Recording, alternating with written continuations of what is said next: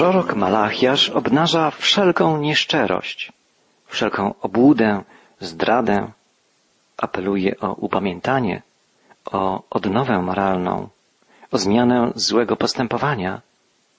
Szczególnie ostro piętnuje Malachiasz postawę tych Izraelitów, którzy w odradzającej się, odbudowywanej Jerozolimie, nie wyciągając wniosków z przeszłości, popełniali te same błędy, co ich przodkowie.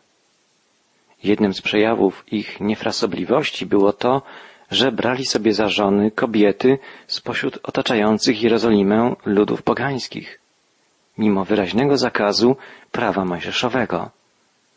Pamiętamy, że działający w tamtym czasie przywódca izraelski Nehemiasz musiał dokonać drastycznych cięć, gdy zorientował się po przybyciu do Jerozolimy, jak masowe jest zjawisko małżeństw mieszanych. Nehemiasz był tym człowiekiem, dzięki któremu w szybkim tempie odbudowano mury Jerozolimy, żeby chronić miasto przed atakami z zewnątrz. Ale prawdziwe zagrożenie pojawiło się wewnątrz murów, wśród mieszkańców miasta. Społeczeństwo izraelskie nie przeżyło głębokiej odnowy duchowej i moralnej. Prorok Malachiasz w ostrych słowach napominał kapłanów, gdyż sprawowane przez nich czynności obrzędowe były traktowane powierzchownie, wręcz lekceważąco. Na ołtarzu składano w ofierze chore, chrome i ślepe zwierzęta. Brak było ze strony kapłanów prawdziwego, głębokiego nauczania prawd Bożych. Pamiętamy napominające słowa Malachiasza, który przypominał, wargi kapłana powinny strzec wiedzy.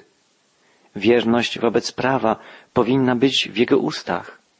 W pokoju i prawości winien postępować za Bogiem i wielu odciągać od grzechu. Tak powinno być. Natomiast rzeczywistość była inna, zła. Z opowieści księgi Nehemiasza wiemy, że gdy przybył Nehemiasz do Jerozolimy po raz drugi, musiał dokonać interwencji w świątyni. Okazało się bowiem, że na terenie świątyni, w specjalnym apartamencie, zamieszkał człowiek o imieniu Tobiasz, Amonita, członek wrogiego Izraelitom narodu. Zamieszkał w świątyni dlatego, że syn sprawującego wówczas urząd arcykapłana Eliashiba poślubił córkę Tobiasza, Amonitkę. Co uczynił Nehemiasz? Poszedł do świątyni i wyprosił z niej Tobiasza. Usunął też ze świątyni syna arcykapłana wraz z jego rodziną.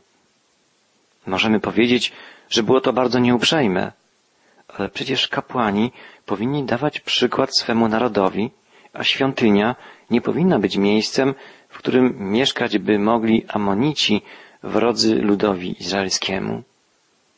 Zawiązywanie się małżeństw mieszanych było wtedy zjawiskiem masowym. Nehemiasz napisał, w owych dniach stwierdziłem, że Judejczycy poślubiali kobiety aszdodyckie, amonickie i moabickie.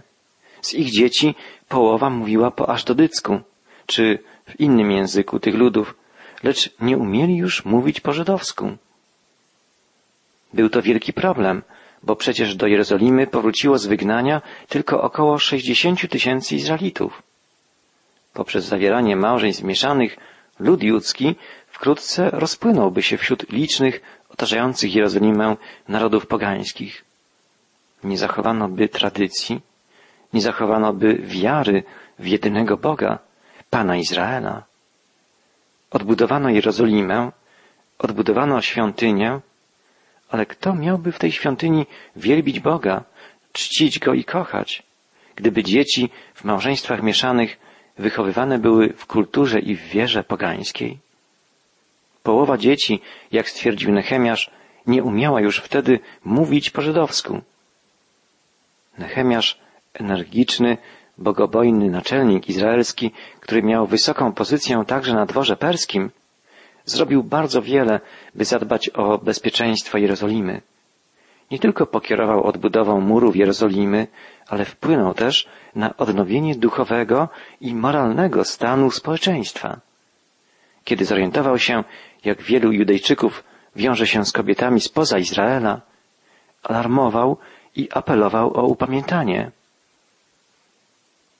W swoim pamiętniku Nehemiasz zapisał Gromiłem ich i przeklinałem, niektórych z nich biłem, targałem za włosy i zaklinałem na Boga, nie bierzcie ich córek za żony dla waszych synów czy dla siebie, ani nie wydawajcie waszych córek za mąż za ich synów. Czyż nie w ten sposób zgrzeszył Salomon, król Izraela? Również jego przywiodły do grzechu żony obcoplemienne. Czy musi się i o was słyszeć, że popełniacie to samo wielkie zło? Sprzeniewierzacie się naszemu Bogu przez to, że żenicie się z kobietami obcoplemiennymi. Ten sam problem dostrzegał Malachiasz. Prorok, działający nieco później niż Nehemiasz, widział, jak zgubne skutki przynosi zawieranie małżeństw mieszanych. Wielu Izraelitów porzucało swoje pierwsze żony i poślubiało młodsze kobiety z ludów pogańskich. Malachiasz przypomniał im przykład Abrahama. Czyż ów jeden nie dał przykładu, ten, którego ducha wyjście spadkobiercami? A czegoż ten jeden pragnął? Potomstwa Bożego. Strzeżcie się więc w duchu waszym, wobec żony młodości Twojej nie postępuj zdradliwie. Abraham nie oddalił swojej żony, mimo że była niepłodna. Kochał Sarę, która dopiero po wielu latach urodziła mu, dzięki Bożej interwencji, syna Izaaka. Będąc wiernym Sarze, Abraham dał przykład wszystkim Izraelitom i doczekał Bożego potomstwa, jak mówi prorok, to znaczy doczekał narodzin syna, który przyszedł na świat nie w sposób naturalny. Sam Bóg uzdolnił Sarę do urodzenia Izaaka. Był on synem obietnicy, synem, poprzez którego biegła linia genealogiczna przyszłego narodu i Mesjasza, który miał z tego narodu wyjść. Było to wszystko możliwe dzięki trwałej miłości, jaka łączyła Abrahama i Sarę. Choć małżonkowie ci popełnili bardzo poważny błąd, w wyniku którego narodził się Ismael, syn służącej Sary, jednak ich miłość przetrwała nawet taki kryzys. Doczekali spełnienia Bożej obietnicy, gdyż zachowali wiarę, ufali Panu. Prorok Malachiasz woła, strzeżcie się i wy w duchu waszym, jako potomkowie ojca wiary Abrahama. Nie postępujcie zdradliwie. I dalej Malachiasz apeluje w imieniu Pana. Jeśli ktoś, nienawidząc, oddalił żonę swoją, mówi Pan, Bóg Izraela, wtedy gwałt pokrywał swoją szatą, mówi Pan zastępów. Strzeżcie się więc w duchu waszym i nie postępujcie zdradliwie. Był taki zwyczaj w Izraelu, że kiedy mężczyzna poślubiał ukochaną kobietę, okrywał ją swoim płaszczem, na znak, że należy do niego i że będzie ją chronił. Tak na przykład postąpił szlachetny Boaz w stosunku do Rut. Okrył ją swoim płaszczem już przed jej poślubieniem, na znak, że będzie jej obrońcą, jej wykupicielem, wybawcą i kochającym mężem. Prorok Malachiasz woła, wy natomiast, porzucając swoje żony i poślubiając następne, pogańskie kobiety, przykrywacie swoim płaszczem gwałt, hańbę, własną winę, swój grzech. Jesteście niewierni, łamiecie przymierze zawarte z żoną swojej młodości w obecności samego Pana. Strzeżcie się w duchu waszym. Nie postępujcie zdradliwie. Ten problem był problemem numer jeden, jeśli chodzi o moralność, a raczej niemoralność w Izraelu.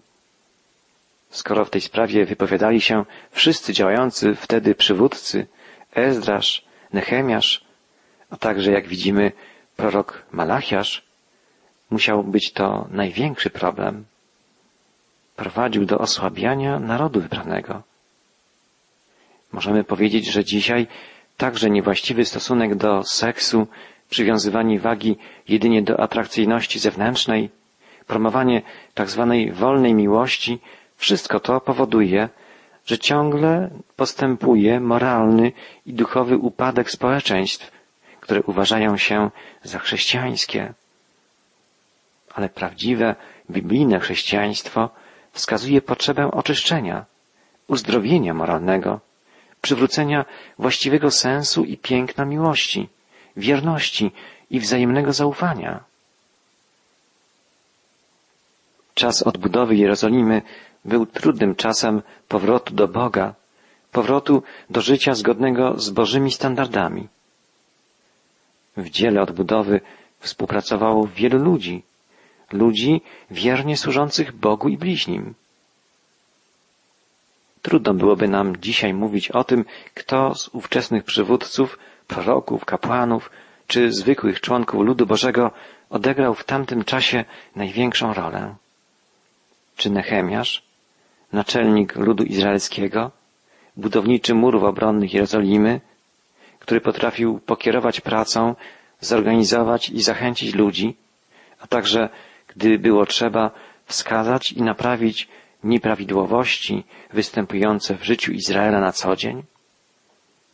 Czy może Ezdrasz, kapłan, nauczyciel, kochający i głoszący Słowo Boże, prowadzący lud ku upamiętaniu, ku duchowemu przebudzeniu? A może najważniejsza była w tamtym czasie rola królów perskich, którzy wydali dekrety zezwalające Żydom na odbudowę Jerozolimy? Albo też może decydujące znaczenie miała służba Daniela, który żył u boku królów perskich i był dla nich jakby drogowskazem, wskazującym na Boga niebios. Także dzięki świadectwu Daniela królowie ci byli tak przychylni ludowi izraelskiemu? A może największe znaczenie miały tu wcześniejsze proroctwa Izajasza i Jeremiasza, którzy wszystko to, co się działo, zapowiadali już dawno, objawiali Bożą wolę, a może proroctwa Ageusza i Zachariasza, którzy przekazywali Boże Słowo ludowi w najtrudniejszych chwilach w czasie wytężonej pracy, albo proroctwa Malachiasza, ostatniego z proroków, wojącego na końcu.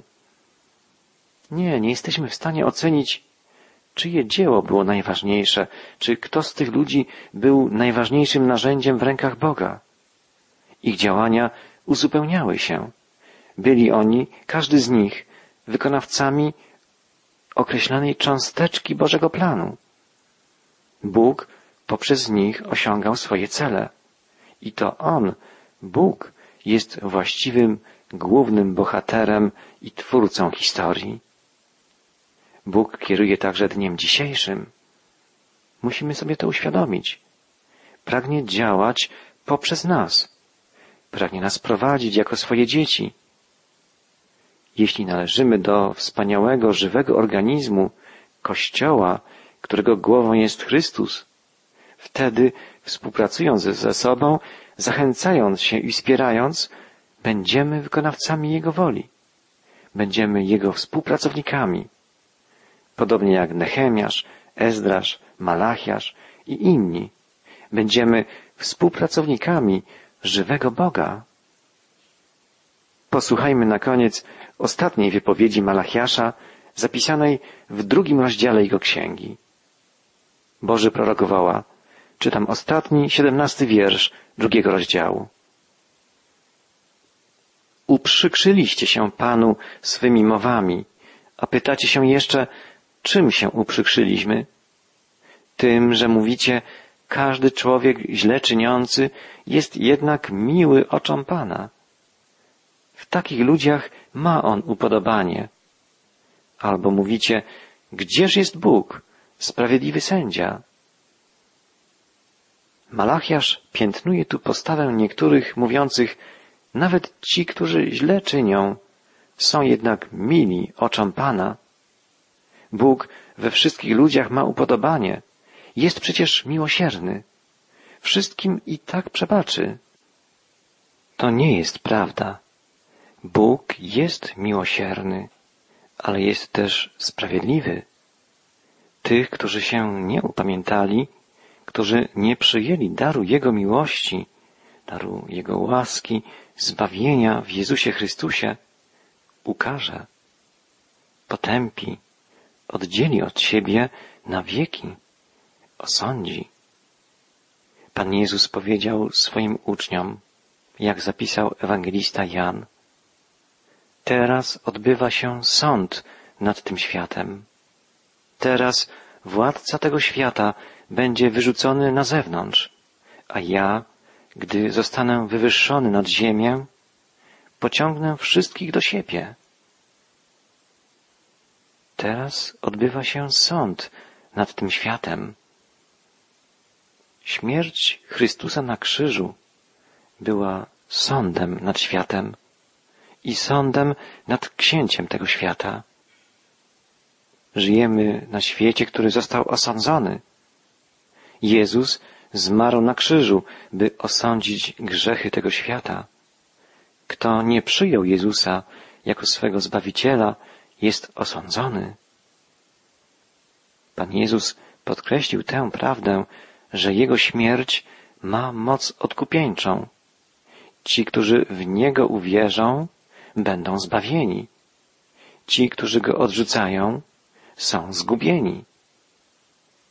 Drogi przyjacielu, najbardziej niebezpieczną rzeczą na świecie jest słuchać o Bogu, słuchać o Chrystusie i odwrócić się do Boga plecami. Kiedy słuchamy i słuchamy Ewangelii, gdy słuchamy i słuchamy opowieści o Bogu, o Jezusie, Bożym Synu, o Jego dziele zbawienia i nie podejmujemy żadnej decyzji, czy chcemy przyjąć Boży ratunek, czy nie, nie przyjmujemy daru Bożego zbawienia, stanie się kiedyś tak, że nie będziemy mogli usłyszeć Boga ani zobaczyć. To Bóg decyduje o czasie łaski nam danym. Bóg jest Bogiem i do Niego należy ostatnie słowo. Posłuchajmy jeszcze jednej wypowiedzi Pana Jezusa. Ewangelista Jan świadczy, Jezus zawołał, kto we mnie wierzy, nie wierzy we mnie, ale w tego, który mnie posłał.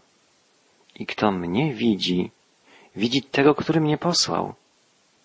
Ja jako światłość przyszedłem na świat, aby każdy, kto we mnie wierzy, nie pozostał w ciemności. Jeśli ktoś wysłucha moich słów, lecz ich nie będzie przestrzegał, jako nie będę sądził. Nie przyszedłem bowiem po to, aby świat sądzić, lecz by świat zbawić. Kto mnie odrzuca i słów moich nie przyjmuje, ten ma swego sędziego. Słowo, które głosiłem, będzie go sądzić w dniu ostatecznym.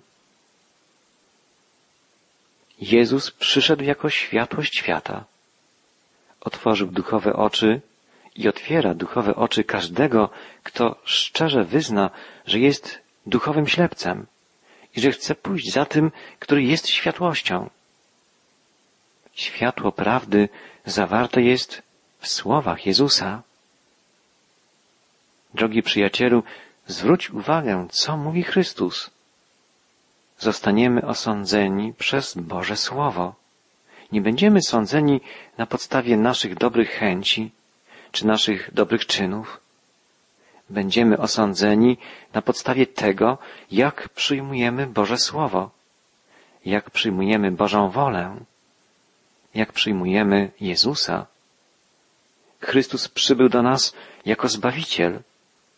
Następnym razem przybędzie jako sędzia. Z nieba ciągle rozlega się głos.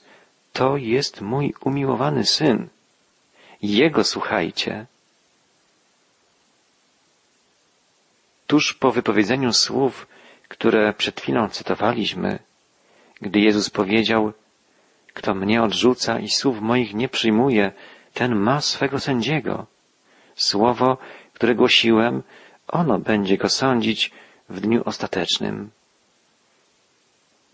Tuż po wypowiedzeniu właśnie tych słów, Jezus zabrał swoich uczniów do wieczernika na wieczerzę paschalną, na ostatnią wieczerzę. W czasie tej wieczerzy wydarzyło się coś niezwykłego. Jezus obmył najpierw swym uczniom nogi. Dzisiaj Jezus stale obmywa nogi swoim uczniom. Kiedy pokutujący grzesznik przychodzi do Jezusa, żeby przyjąć Jego dar zbawienia, Chrystus obmywa go swoją krwią, przelaną na krzyżu. Boża miłość jest miłością wielką, miłością bezwarunkową, miłością ofiarną i twórczą. Jest to miłość agape. Miłość ta jest łaskawa, nie szuka poklasku, nie pamięta złego, wszystko znosi, we wszystkim pokłada nadzieję, wszystko przetrzyma. Miłość ta jest cierpliwa i nigdy nie ustaje. Jest miłością zwycięską. Jeśli pozwolimy Chrystusowi, by tą miłością przemieniał nasze serce, jeśli pozwolimy Mu na ciągłe kształtowanie naszej osobowości, na oczyszczanie i uświęcanie naszej duszy, to będziemy stawać się do Niego podobni. Duch Chrystusowy pragnie w nas dokonywać ciągłych przeobrażeń, pragnie naszego ciągłego rozwoju, żebyśmy upodabniali się do naszego Zbawiciela, Mistrza. Im więcej będzie w nas Chrystusa, tym mniej będzie w nas egoizmu, tym mniej będzie w nas naszego ja. Im uważniej będziemy wsłuchiwać się w słowa Pana, tym mniej będziemy słuchać i wypowiadać słów niepotrzebnych. Im wierniej będziemy zgodnie ze słowami Pana i według Jego przykładu postępować, tym więcej w naszym życiu i w naszych czynach będzie miłości. Chrystus nie przyszedł na ziemię po to, by Mu służono, ale aby służyć. Jako ludzie Chrystusa nie jesteśmy tu po to, by panować i brać, ale by dawać i służyć innym. Jesteśmy tu po to, by kochać.